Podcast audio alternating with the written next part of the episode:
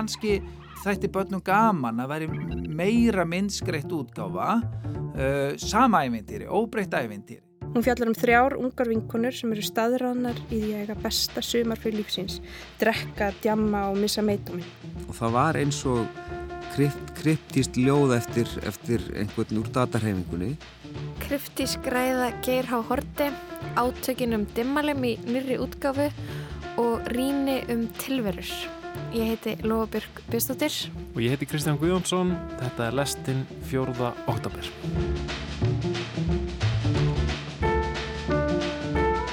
Við ætlum að byrja á alveg sjóðheitum menningarátökum sem hafa staðið núna í nokkra daga. Þetta eru menningarátök sem að snúast um barnabók, klassíst æfintýri um þæga stúlku.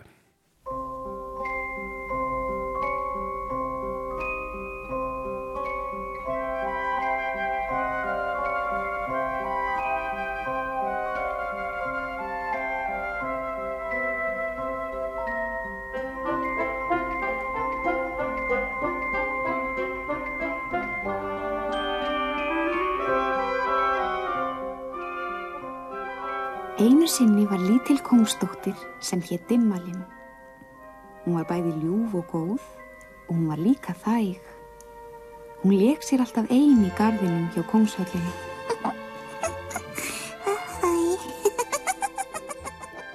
Góð og þæg prinsessa hugsar vel um svan sem henni fyrir að þykja afar vendum. Eitt daginn finnur hún svanin dáin. Hún sirkir svanin og grætur löngum stundum. En svo kemur í ljós að svanurinn var konungssonurinn Pétur í álögum. Álögunum var aflétt vegna þess hversu þæg og góð prinsessan var. Prinsessan Dimmalem og prinsinn Pétur giftast og verða kongur og drottning. Einhvern veginn þannig mætti endur segja eitt frægasta íslenska ævintýrið Dimmalem sem Guðmundur Torstensson Muggur samti og teiknaði.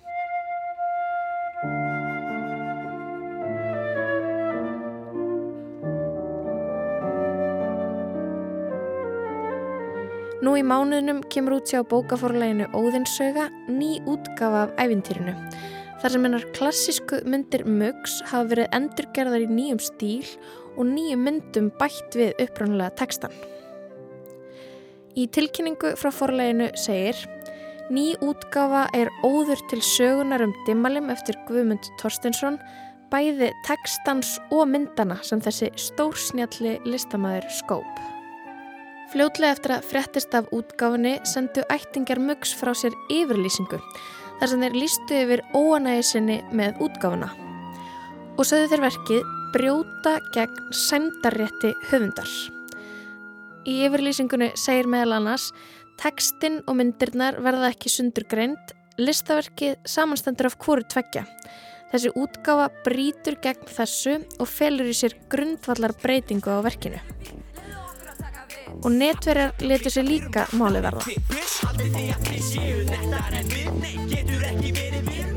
Af hverju getur fólk ekki lát upplöða útgáðuna? Því líkt virðingarleysi að nokkrum skuli detta Verst er nú að einhver sjáu ástæð til að gefa dverk sem hefur þann bóðskap að stelpur að vera góðar. Helgispjöld og óvirðing við hugverk. Ég hef ekki séð neitt jafn ljótt gert í barnabók síðan að vangirnir voru kliftir af dísu ljósar. Mistyrmingar Disney samsteipunar á menningararfi og væntaleg gróðafín erfingja höfundar litla prinsins breyta engin. Ég hlaka til fyrir þetta sorp forlag gefur út tíu litla nægrastráka með glæn nýjum.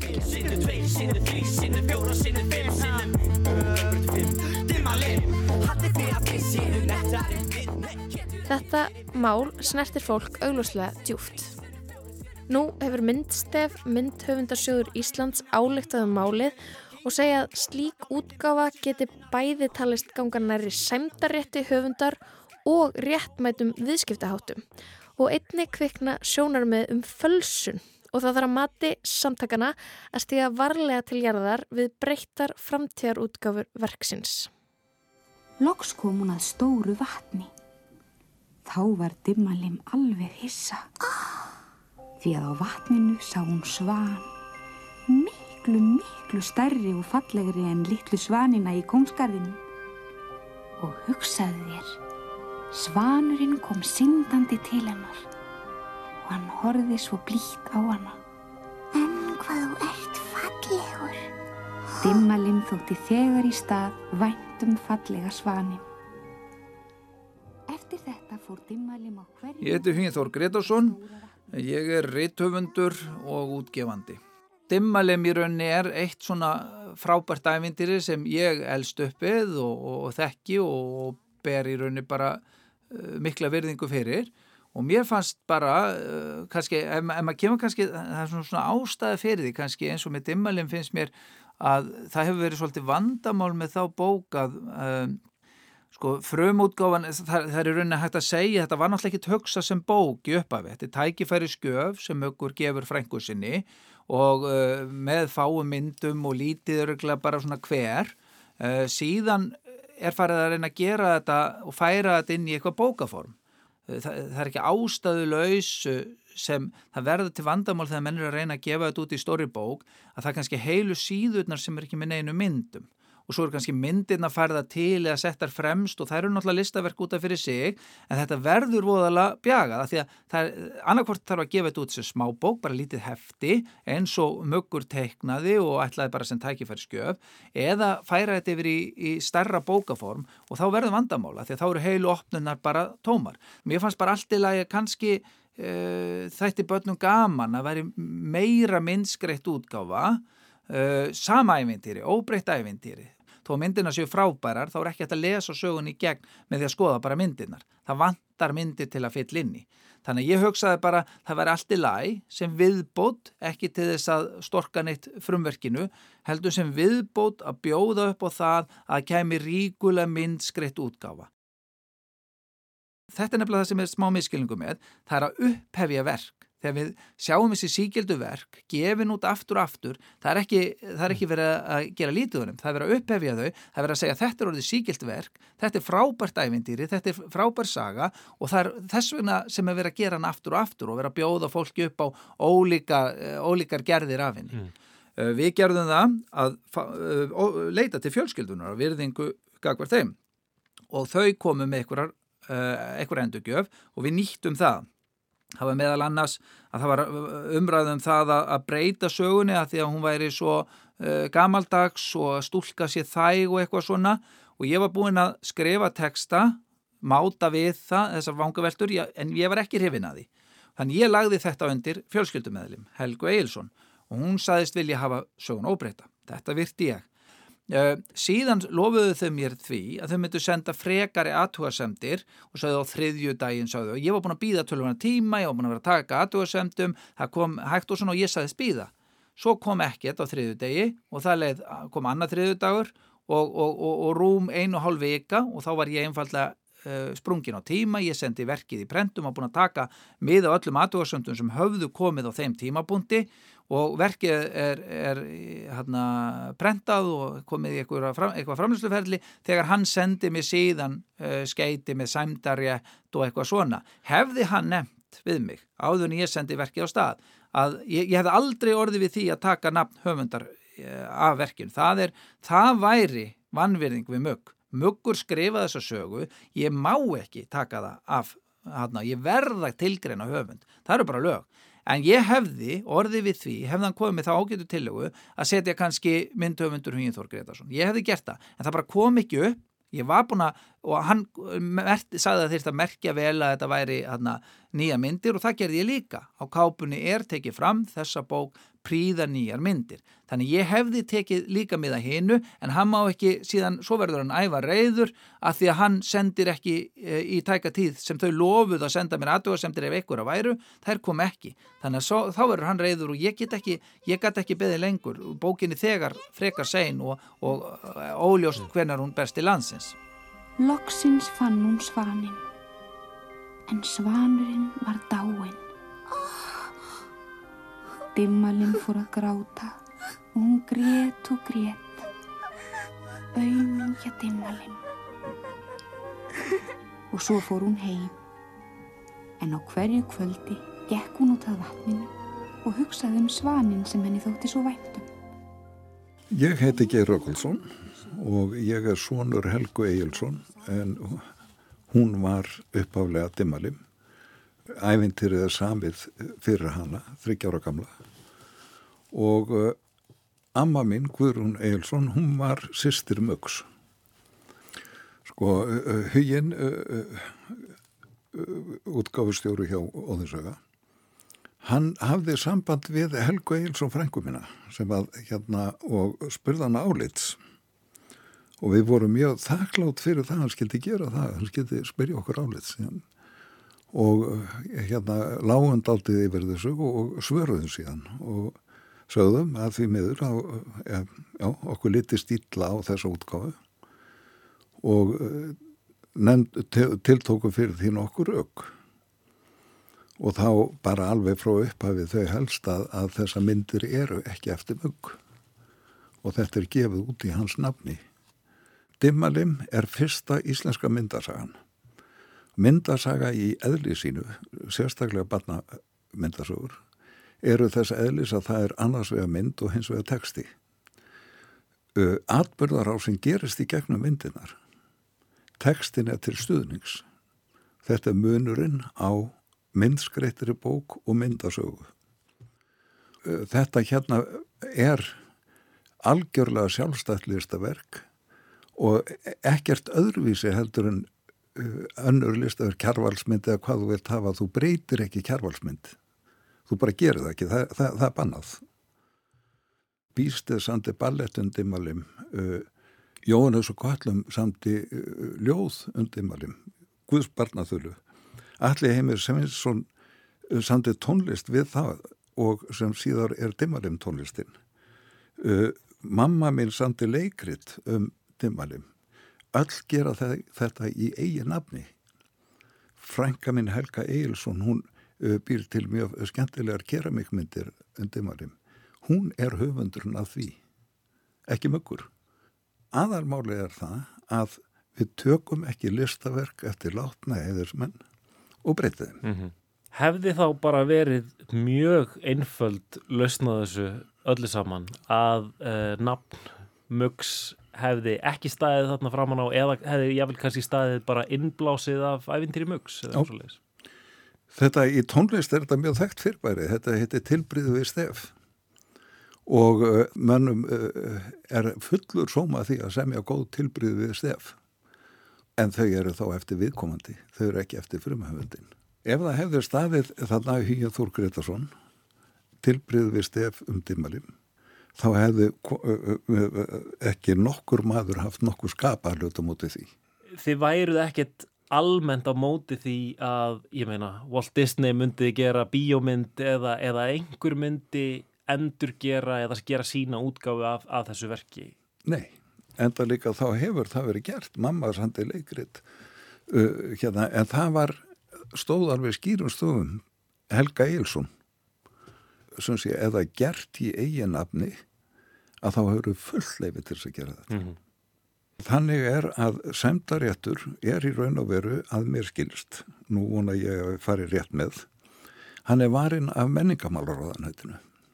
Þannig að hann er fyrst og næst hugsaður sem slíkur að ef það er verið að uh, krukka í uh, listaverk sem að í vitund þjóðarinnar er, er sé, þjóðaregn þannig að þá getur menningarmálur á þannig til gripið inn í og sagt þetta hérna er ólefilegt þegar við gera þetta. Og ég hef skrifað menningarmálur á þannig erindi og beðið um liðsinni í þessu máli. Og ég fekk uh, svar um hæl. Að þetta mál var í aðtungi á ráðanettinu og síðan hef ég ekki heyr meira. Og ég, ég veit ekki hvað það stendur en, en við höfum fulla rétt og síðferðilega rétt á því að mótmæla. Bara allt annað handleikur. Hefur einhver að trú á að þið geti komist að samkominlega eða niðurstuðu við Hugin Þór og Óðinsega? Já, sko, við höfum marg, ég bauð honum á ákvæmnu tímabili að ef hann hefði ákvæða því að gefa út upphæflu útgáfana og, vanda til hennar að þá ætti hann fullt samstarf mitt í vandum. En hann hefur ekkert minnst á það og hann hefur ekkert komið til móts við okkur í einu en einu svo ég trú, ég held ekki því miður. Dimmalim satt einu sinni sem oftar við vatnið og var að hugsa um svanin sinn. Þá stóð allt í einu lítill kóngsónur hjá henni. Hann var ljómandi fallegur, og hann hétt Pétur. Þú mátt ekki gráta, Dimmalim mín, sagði hann. Æjú, sagði Dimmalim. Svanurinn minn er dáinn. Nei, gráttu nú ekki meira, sagði kongsónurinn. Ég skal segja þér sögu. Hún hefur alveg verið endur útgefin held ég alveg allavega sjöða átta sinnum og ofta mitt í svona mismunandi layouti eða þú veist, hún lítur mismunandi út eftir hverju útgáfi. Þetta er Anna Magnúsdóttir Eirunadóttir sem nýlega skilaðinn björrit gerðum hennar ymsu útgáfur af dimmalem og vandræðin sem fylgja því að endurgera verk þar sem mynd og texti spila svona náið saman. Í ákveðnum útgáfum af dimmalem að þá hafa útgefundur ákveðið að klippa texta niður í smærri einingar sem gerir það verkum að uh, sumar opnur hafa bara texta og engar myndir sem að svona verkið ekki alveg spennandi fyrir börn uh, og gera það líka verkum að sko efni textans stemmir ekkert endilega við efni myndarinnar. Svo textin lýsir kannski einhverju hræðslu eða óvissu en myndin sýnir dimmalum og svarnin vera að kúra við, við vatnið. Og það er svona myndast allt önnur stemming og það er svona eins og útgefundur hafa ekki alveg huga af því þegar þeir hafa verið að breyta uppsetningun. En það er einmitt svona alls konar svona, svona lítil smáatrið sem skipta máli þegar þú ert að setja saman myndabók. Og það er eins og veist, með uh, frumgerðina að þá hérna, hún var náttúrulega ekki bundin inn en uh, það var hægt að rannu upp og maður gæti skoða textabrótið og myndina sem áttu við á sama tíma hlið við hlið. Og þannig að ef að saga var lesin fyrir bann að þá gæti það verið að skoða myndina á meðan textin var lesin Um, og þá skiptir svo miklu máli að, að flækjusteg myndarinnar stemmi við flækjusteg textans þannig að við text er einfaldur en myndin útrúlega flókin að þá mun barnið vilja eigða miklu meiri tíma í að skoða myndina heldur en það tekur fullorðna lesandan uh, að lesa textan mm. uh, og svo er alls konar svona litli hlutur eins og litanótkun í myndunum sem að getur um, veist, miðlað uh, gleði eða sorg eða Eh, eftirvæntingu eða eitthvað svoleiðis og það uh, skiptir svo miklu máli að það er mitt stemmi líka við svona stemminguna sem er í, í textanum. Er þetta ekki bara eins og myndasaga eins og ef að ég væri bara einna með um, nú þetta mér ekkert annað hugheldur en Andrisar Andablað og ég væri bara að skrifa vittlisa setningar inn í talblöðurnar. Jú, það væri alveg hægt að líka þessu saman sko veist, einmitt, ef að, að setningarna sem eru í talblöðurunum bara einhvern veginn meika engan sens uh, í samhengi við það sem er að eiga sér stað á myndinni. Þannig að já, það er alveg klálega hægt að gera þann samanbyrð. Það er svona smá sem ég tók eftir á þessari umræði sem var þarna á þessum Facebook-þræði, þarna á Óðinsauga Facebookinu, uh, að þá nefndu þau að uh, það væru ofáar myndir í upprunalega verkinu til að svona Eh, standast eh, kröfur um nútíma barnabókaútgáfi eh, sem að ég verða að vera gríðarlega ósamála að því að mitt upprunnulega gerðin af dimmalim hafði texta mynd og mynd á hverju opnu þannig að það hefur aldrei verið vandamála með séu of fáar. Vandamáli hefur frekar verið að þeim mitt útgefundur hafa þessa tilneyingu til að klippast texta í smæri einingar. Kannski að þetta er alltaf að börn get ekki haldið fókus í nógu langan tíma til að hlusta á allan textan en en myndirnar eru nógu áhugaverðar og nógu fullar af smáadriðum til að geta haldið aðtekli batna á meðan allur uh, textin er lesin. Mér finnst mjög, mjög áhugaverst að það hafi verið bara, bara texti á, á, einn, á síðunum, bara eitthvað svona hvít mm -hmm. með texta. Mér finnst það Já, mjög áhugaverst og þá, þá þurfa óðinsög að, að setja myndir á þær síður í staðin fyrir að, að færa textan yfir á rétta síðu. Einu sinni kom ljót kerling, hún var norn. Hún lagði það á mig að ég skildi verðað svani og aldrei leysast úr þeim álögum þegar ég hitti stúlku sem var í góð og þæg og sem þætti væntum mig. Sérðu nú, dimmali mín, þú ert góða stúlkan sem listir mig úr álögunum og nú skulum við gifta okkur. Þá var dimmalinn híminn lifandi kisti kóngsónin. Mm þessi hörðu viðbröð um, úr alls konar áttum, ekki bara frá fjölskyldinu líka hérna formaður í tvöndasambandsins að deila á Facebook mm. og alls konar aðtöðsandir þú veist heldur þetta hafa eitthvað að gera með þína personu frekar heldur en uh, bara þetta æfintýri þessa útgáfu?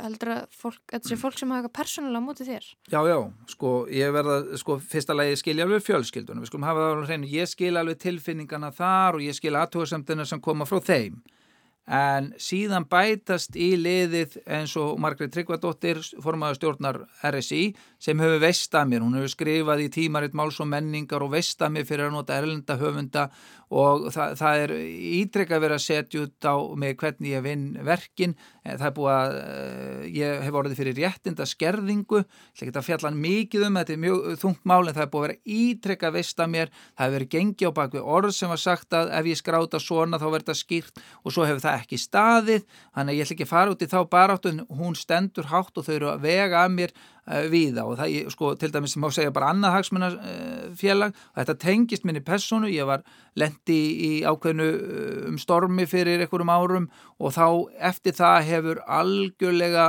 öll spjót beinst að mér og þetta tengist mér personulega og þess vegna eins og minnst ef það er, það er sorglegt að sjá að svona félag sem eru auðvitað fyrst og fremst hagsmunafélag en ætti þó að vera faglegt skuli kasta út ennliða einhverjum áróðri um að hér sé fölsun eða stöldur, það er ekki einasta dæmi til sem myndi styðja við slíkar alvarlegar ásakanir sem svona félag leifi sér að setja út. Þetta er allt byggt á tilfinningum og einhverju reyði og, og áróðri gagvart mér og ég veit alveg hvað er búið að vera að gerjast þannig og, og, og það er bara því miður þannig að þetta er innan þess að geira gríðalögu klíkaskapur og það er, það er verið að veita og svo þau ég hefði skilið gaggrinni fjölskyldunar en ég sé alveg hvað er að gera síðan í framhaldi þá verður þetta miklu meiri árásum og, og þessir hópar sem eru búin að vera að ítrekka að veitast að mér og hvernig ég vinn mína list eru að hoppa á vagnin og, og nýta tækifæri. Skiptir ykkur máli hver það er sem að er að gera þetta þú veist, ef, ef þetta hefði verið um, einhver, einhver annar listamæður um, hefði það skipt máli? Nei, það hefði ekki skipt máli og þetta, þetta er eins og maður segir prinsipatri og það skiptir engum máli hver, ef, ef einhver úr ættinni hefðu komið og, og uh, gert eitthvað við dimmalimmittinnar eða gert eitthvað við dimmalim og uh, uh, látið þess ekki getið að þetta væri sem sé eftir við komandi þá hefðu við allir sett sér upp á mútið því. Þa, þetta er bara ekki lögulegt En allt var þetta því að þakka að dimmalim var svo góð og þæg stúlka Engin er eins þæg og góð og dimma limma lim og engin er eins hýr og rjóð og dimma limma lim.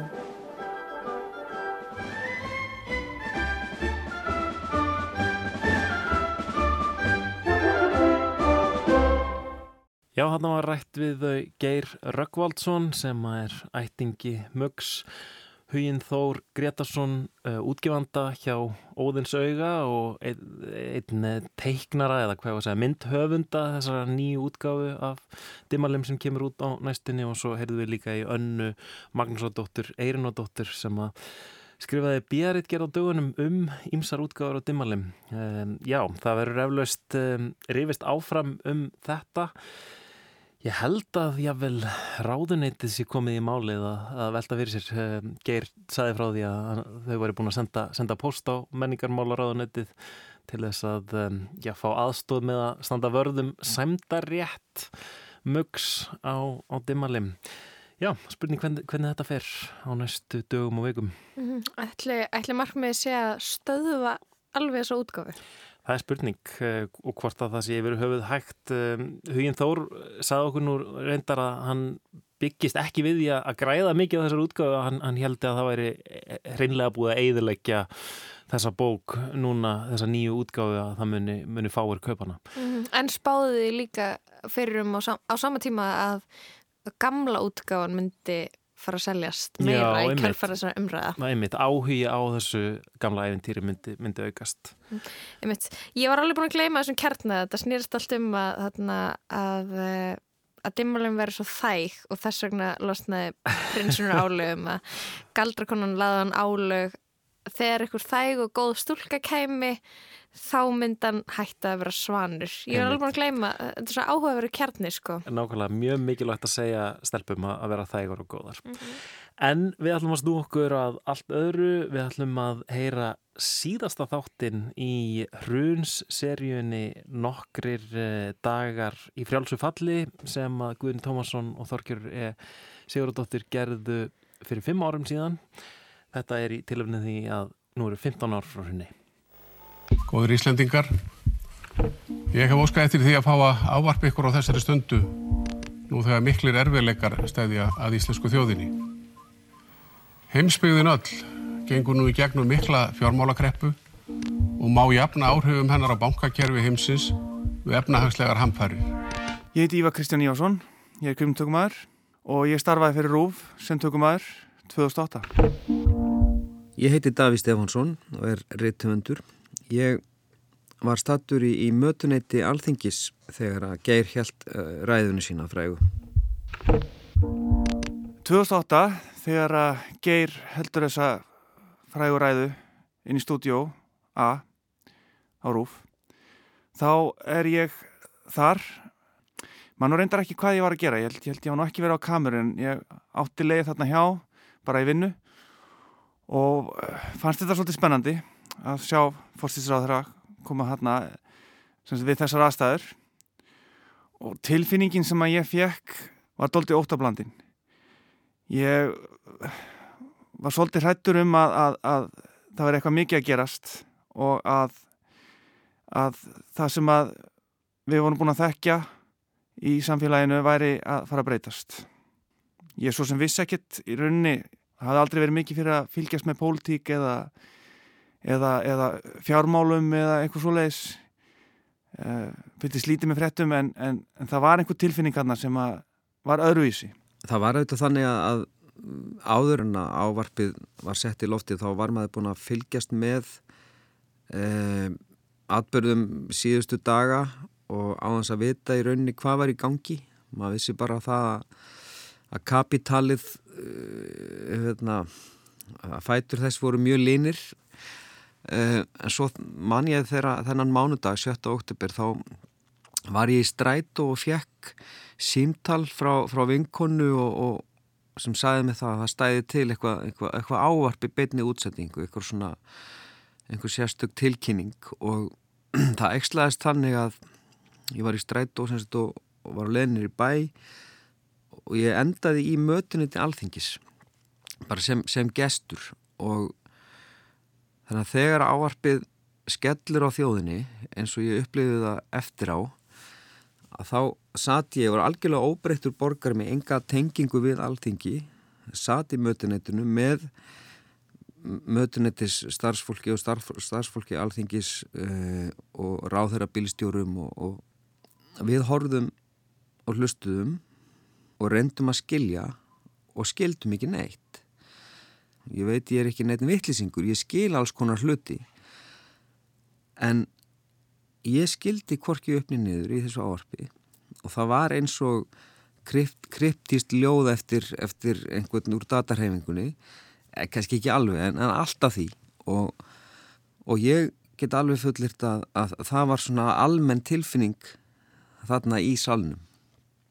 Fólk leit bara hvert á annað og, og einhvern veginn hérna, einhverja mínutur eftir var fólk að reyna að tala sér niður og það bara hvað hvað var hann að segja og hvað þýðir þetta? Þegar ég var hérna að fylgjast með uppsetningunni á, á, á settinu og þar sem að Geir myndi setjast niður og, og segja sína ræðu og, og það hafði nú gert það nokkur svona máður og fylgst með þessu og svo sem ekkert merkilegt við það, þetta er bara borð og, og það er sett hérna skjaldamerki Íslands fyrir aftan og, hérna, og lýsingin sett upp og einhver tilfinning eða svona eitthvað, eitthvað sem lág í loftinu. Og spennan sem að, sem að fylgdi þessu var meiri heldur en vennilega og maður átti svo sem ekki vona á því sem að kom í kjölfarið en, en það var eitthvað, það, var, það lág eitthvað þarna, ég man að það, það var svona einhver spenningur einmitt sem að, maður fann fyrir Ég er nú ekki hlustað ofta á þetta síðan en ávarfið er kannski ekkert mjög skýrt í einhverju svona narratíu, einhverju frásögnum hvað raunverulega gerðist og hvaða afleðingar það hefði. Það var að tala svolítið mikið í í gátum með einhverjum svona, já, það var svolítið sérstækt. Mér fannst fórsýtsráð þeirra, Geir Háhorti, vera aðeins stressari heldur en venjulega þegar maður hefur hittan í svona vittulum. Það var eitthvað við hann, það var eitthvað í, í augnaráðinu. Hann, hann, virk, hann, hann virkaði á mig svolítið svona, svona, hérna, hvernig maður það? Hann virkaði svolítið minni í sér eins og, og sjálfsöryggi væri svolítið farið. Mér fannst eins og hann vissi að eitthvað væri að og, og einhvers konar opinberun væri á leiðinni og að ég, já, ma maður fekk það svolítið á tilfinningunni að, að hérna, hann væri ekki beint stoltur. Ég hef aldrei verið sérstakur áhuga maður um efnagasmál og, og bankar fyrir mér voru bara í rauninni heilagar þjónustustofnanir uh, og þú veist, ég er búin að vera með minn bankareikningi í búnaðabankanum frá 1986 og, og, og tengingi við sveitina og þetta, þetta voru bara svona stofnanir á pari við alþingin ánast þannig að sko tilhugsunin um og það sem það gengið á þarna dagan áður var þetta sko tilhugsunin um að bank, bankarnir væru bara ónýtir og, og væri á leiðin í þrótt og hún var rosalega stór og, og förðuleg og það var ekkert skrítið þó að maður upplýði svona domstags uh, stemningu. Og það var kannski það sem að ég mann helst eftir frá þessum dögum að það er sér mikla óvisa og svo, svo þegar kemur, kemur að ávarpunu og þessi þessum, þessum svona áfanga í þessu ferli að þá eftir það verður allt líka mjög skrítið. Og maður, það er tíu ár síðan og virkar á sama tíma bæði mjög stutt og mjög langt í minninu að þá held ég til dæmis og mér, mér er sérstaklega minnist þetta að yngsti bróðu minn hann egnaðist sagt yngsta són sinn daginn eftir, 7. oktober og þegar ég ringdi hann óskanum til Hammingju þá óskaði hann til Hammingju með að egnast batnin í sósialist ríki og ekki í einhverjum, ekki, ekki í einhverjum harð, hörðum pólitískum hugsunarhætti heldur var, hugsunum mín var einfallega svo að, að kapitalismi sem slíkur gæti ekki jafna sig á svona áfalli hann gæti ekki bara komið tilbaka og sagt, herru ég bara mættur aftur og hérna búin að fara í veikindarlefi og hérna bara taka aftur við ég, ég sá fyrir mér er náttúrulega vinstri maður í eðli mínu en ég sá fyrir mér að, að, að þetta væri í rauninni endalók kapitalismas eins og, eins og við hefðum þekktan og síðan eru liðan tíu ár og, og, og ég hafi mjög, mjög rámt fyrir mér eins og við vitum. Þegar ég hugsa tilbaka og ég mynda mér hvað hva fór í gegnum kollin á mér þegar ég var að horfa á þetta gerast er að ég misti svolítið trúna á, á svona aðstu ráðamönnum landsins og því sem að var að gerast. Ég hafði alltaf verið svolítið svona etna, að svara fyrir að, að, að, að það væri allt í lægi. Ég trúði svolítið á þegar að svona þessi stærri kallar, stærri nöfnin í þjóðfélaginu voru að segja okkur að hér væri allt í lægi og, og, og ég hafði gaman að því og var smá stoltur af því að hérna, Íslendingar væru svona þessi þessi ótrúlega þjóð sem hafi komið sér svo langt í fjármálum og, og öðru. Þannig að, að vonbreiðin voru mikil og, trúin fjall á einmitt á þeim þessum peningamönnum og bankamönnum og stjórnmálamönnum og hérna mér leiðins bara svolítið eins og ég maður væri svikin mér, mér fannst það bara svo ótrúlegt hvernig, hvernig það væri hægt. Ég, ég, ég hafði aldrei trúið því að að svona menn í þessum stöðum hefðu efnaði að, að ljúa manni sko. Það myndaðist auðvitað í samfélaginu heimsenda tilfinning svona light svona allavega fyrir suma. Og ég hef stundum hugsað með mér að, að það tala um þetta sem svona economic crisis hérna í, í, á ennskunni og alþjóða vettvangi og ég fekk alveg tölvuposta frá sko fólki út í heimi sem hefur það margfald, margfald, margfald verra en við, þú veist, frá Suður Ameríku sem var bara, er, var að spyrja hvort það væri matur í búðunum og eitthvað svona, þannig að umheimurinn kannski upplifaði þannig að Ísland, þetta velmeðun og land væri bara svona strípað af öllum nöðsynavörum, en þetta var það ekki þannig. Það var það aldrei svo slæmt. Hins vegar að það man ég mjög skýrt eftir því að hafa verið að ræða það við, við nákomna um, um þessa byrðasöfnun. Og þá voru margir sem ég bara veit til sem að voru allavega í þessum pælingum. Og eftir á fyrir svona velmegunar gutta eins og mig eins og við erum báðið og við erum öll við erum bara mjög góðu vön.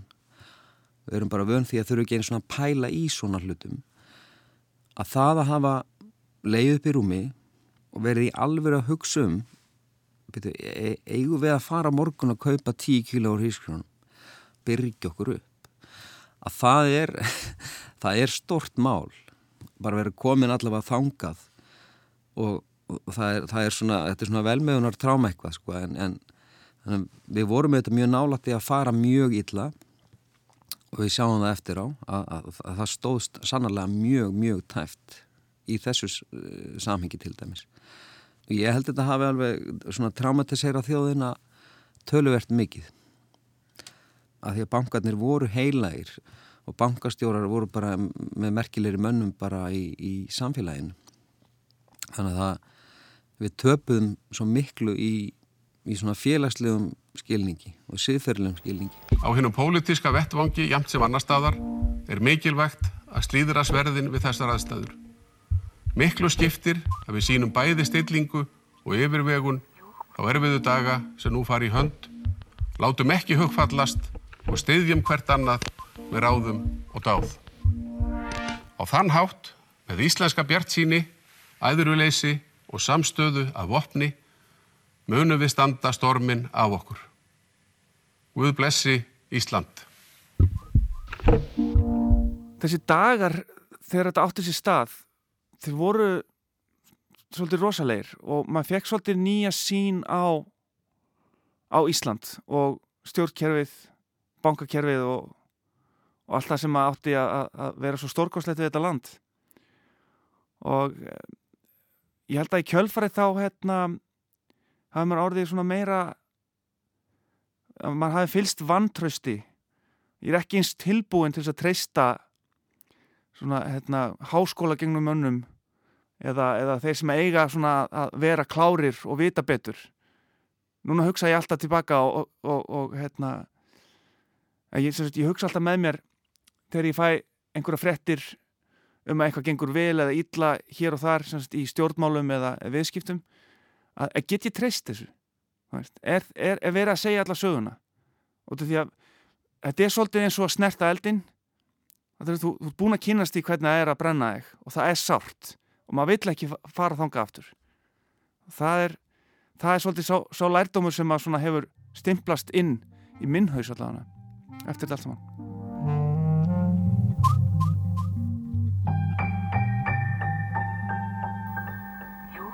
Það var áttundi þáttur og seinasti úr seríunni nokkru dagir í frálsufalli fyrir árunni 2018 Þættir í umsjón Þorgerðar E. Sigurðardóttur og Guðrún Tómassonar.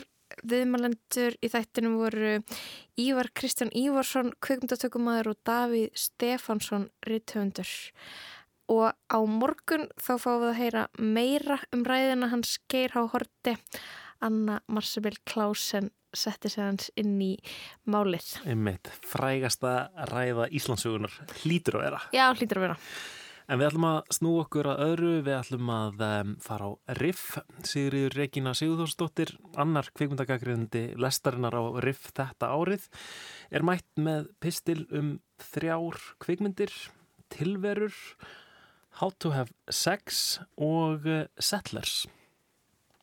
Nú er Riff kveikmyndaháttíðin rúmlega hálnuð og ég er búin að raða í mig kveikmyndum eins og ég sé að fá borga fyrir það. Ég er búin að kafa hún í fallega sögur og sitja snögtandi í myrkum bíósölum. Mér finnst sérstaklega gaman að kíkja á frumraunir í kvikmyndagerð en á riff er flokkurinn vitranir tilengaður fyrstu eða annari myndlegstura þó þeir leynist reyndar víðar í dagskránni. Ég er búin að sjá þrjár áhugaverðar sem er langar að tala um. Byrjum á einni virkilega nýtískulega gamaldags, landneimarnir Los Colonos eða The Settlers á hansku í leikstjórn Felipe Galvez Habrel. Ég segi nýtískulega gamaldags út af því að myndin er skotin á filmu og líkir mikið eftir gamlum vestrum en er kaplaskipt með stórum, flennistórum rauðum titlum eins og út úr exploitation mynd frá 8. áratögnum. En hún er uppfært til nútímans bæði í stílbröðum kvikmyndatökunar og sérstaklega sjónarhortni sögunar mynd um kúrega frá sjónarhortni hins innfætta. Tónlistin eftir kvikmyndatónskáldið Harry Alouche er sérstaklega grípandi. Hún ber stundum keim kunnulegra stefa vestrana en er einhvern veginn harkaleg undir óhugnulegri frásögninni sem er sögulegu skáldskapur og gerist í Tíli um aldamóti 1900. Hún fjallar um Segundo, innfættan mann sem ásand breyta á bandaríkjamanni vinnur við að verja landareign, ef svo má kalla, hins sannsögulega Hósi Menendez. Menendez var ánafnað gífurlagt magna af landi bæði í Argentínu og Chile en sagan hefur síðan leitt í ljós að til þess að halda þessari landareign var framið þjóðarmorð á innfættum á svæðinu. Mennirni þrýr í kvikmyndinni eru þáttakendur í þessum hróttalögu atbyrðum en Segundo virðist vera fastur vittlusum megin við výlínuna og vittlusum megin í sögunni. Yeah, well I don't know Chileans but I know others like them. Half Indian, half white. Never know who they're gonna shoot.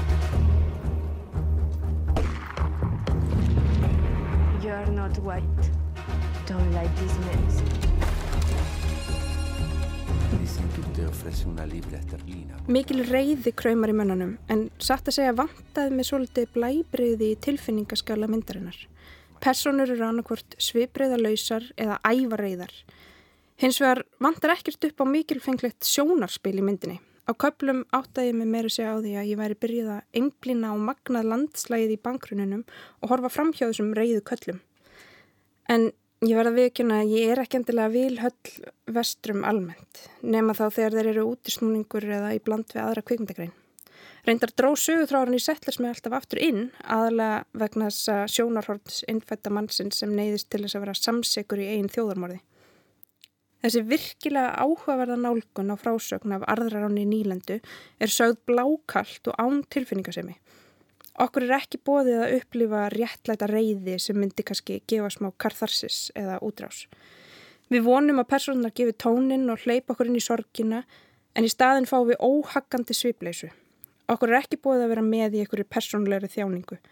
Við sitjum með rillilegum staðrindunum, bláköldum, halvskálduðum veruleikanum í ægi faguri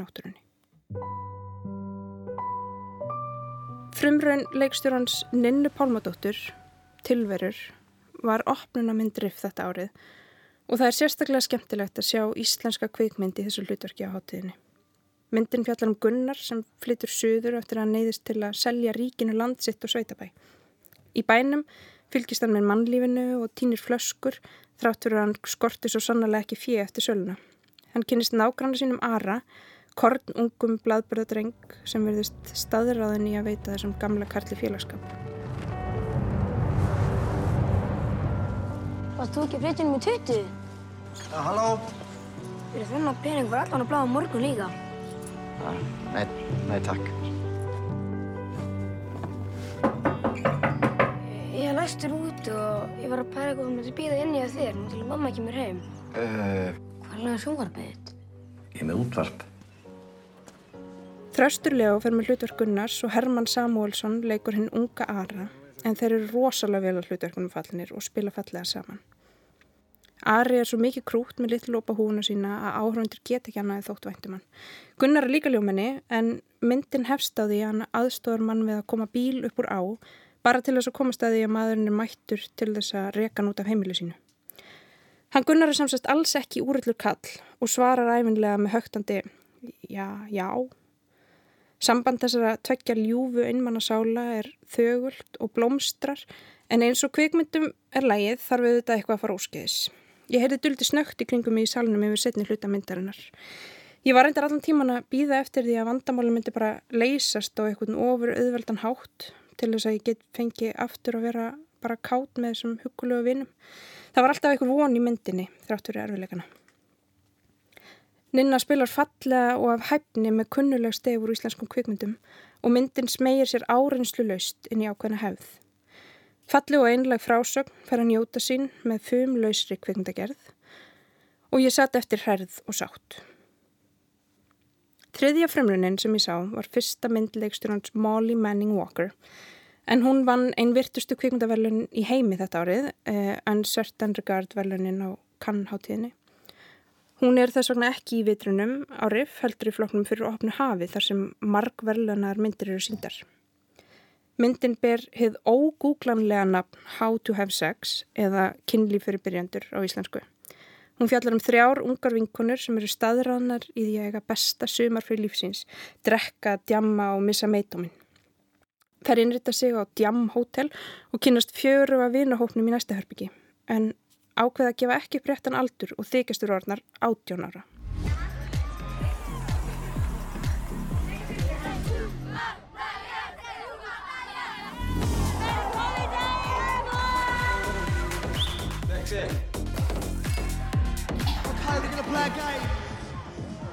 Við uppamyndarinnar leið mér eins og ég höfði farið í tímavél og ég var komin á fyrsta djammið. Mér langaði að dilla mér með stelpunum í taktu gegjaða tónlistina en þvílikt úthald. Kvöldið verður á morgni og ekki bólur á þingu. Ekki fyrir en þingu kvöldin fara að rannast upp og þingu myrkrið sígur hægt yfir okkar konur. En þá er bara held í skotlusin hári hundsinn sem beiti gær og haldið áfram. Í myndinni er þriðja besta sundljóðsenna sem ég séð þó lítið fara fyrir henni. En fyrst þú spyrð, þá er svo besta í kvikmyndinu 8th grade, næst besta er í Boogie Nights, fjórða er í Somewhere og Rocky Horror fara að fljóta með. En myndin snýst aðalega um núansa í samskiptum. Vinkonur lesa tilfinningar hvoranarar, fáviti lesa ekki stúlkuna sem hann er að reyna við, en ókunnu kona á skemmtistað gerir það auðveldlega. Leikurum er listilega stýrt í myndinni og þrátt fyrir að þau séu öll að leika niður fyrir sig í aldri er sakleysið þeirra áþreifanlegt. Ofurlítil blæbreyði í leik eru áhrifamikil og augngótur kýla mann í magan. Galdurinn í myndinni fælst í því að dansa á gráu svæði sem við þórum sjaldan inn á, með ónót í maganum, lesa á milli línana og setja áhörfundur í hugarástand. Því miður munu allt og margir geta tengt við atbærarásmyndarinnar, stemminguna þar sem ósagðir hlutir ligg liggja eins og mara á sálinni, léttin þegar einhver sér hvernig þið líður og tekur markaði, óttan við að orða hlutina og sársökan í öllu sem er hefðátt að gera, segja og vita. En þessi mynd er svo sannlega þess virði að fara inn í óþænindin. Það hefnaðist allavega að senda mig í tilfinningar á sípana. Á þessari kvikmyndaháttið hef ég grátið, hleyið en aðalega grátið Því mér þykir mikið til að koma þegar kvikmynd næra toga í strengi hjartans og kveikja á ykkur í mér. Ég hef verið sérstaklega heppin með myndir hinga til og hefur raunni fengið að vera meiri kvikmynda unnandi en gaggrandi. Ég ætla að ná nokkur myndum í viðbáta riff og ég voru hana að heppnin verði áfram með mér. Ég hveti ykkur til að koma með.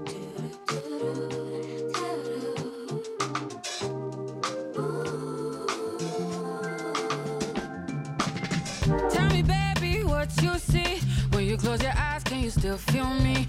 When i'm out the line do you still choose me? With actions and words do you put me first? Cause i've been on an island of my own making. I've been time traveling i've been time taking. Pictures change when you switch to zoom. It's a new day how to ditch the tomb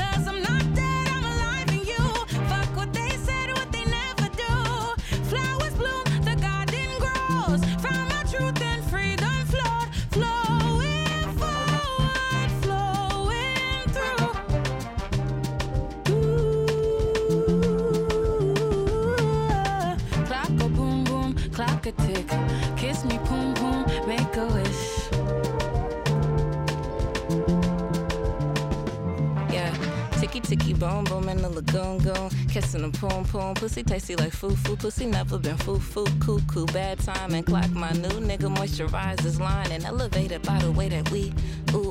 I don't smoke cigarettes, but I lick cigars and that's on God and the Bible too. Ticky ticky boom boom, all I ever knew. Now he wanna be one of me, honey, be inside my pot, smoking my crock pot, ready to foxtrot, beatbox and kick rocks. Really kick rocks. Really, I'm independent but steadily flip flop sock clop, a good cop, murdered a BIPOC. I'm black, I've been black, fuck what you thought, fuck what they taught, and fuck what they teach. Baby, come eat a Georgia peach for free, for real. Clock go boom boom, clock a tick.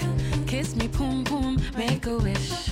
Make a wish, make a wish, make a wish. Yeah, come make it tick, make it tick, make it tick. Yeah. Clock go boom boom, clock a tick.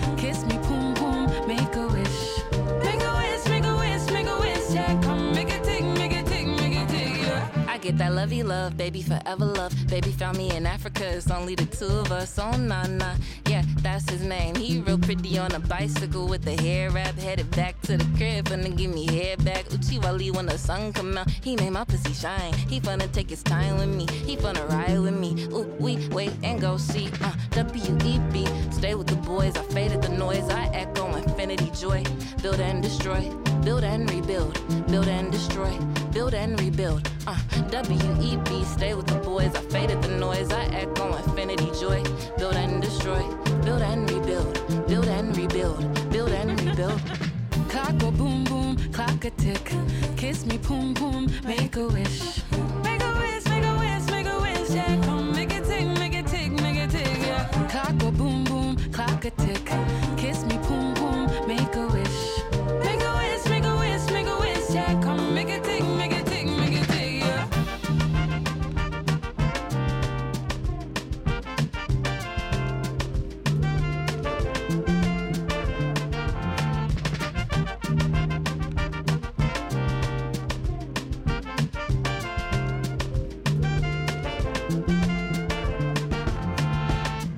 Lagi Búm Búm með No Name og Ayuni. Þar undan var það Sigriður Reykjana Sigurþónsdóttir sem er önnur tveggja kveikundagagrinanda lestarinnar á Riff í ár. Hún var ánæð með frumrun Ninnu Pálmadóttir myndina tilverur.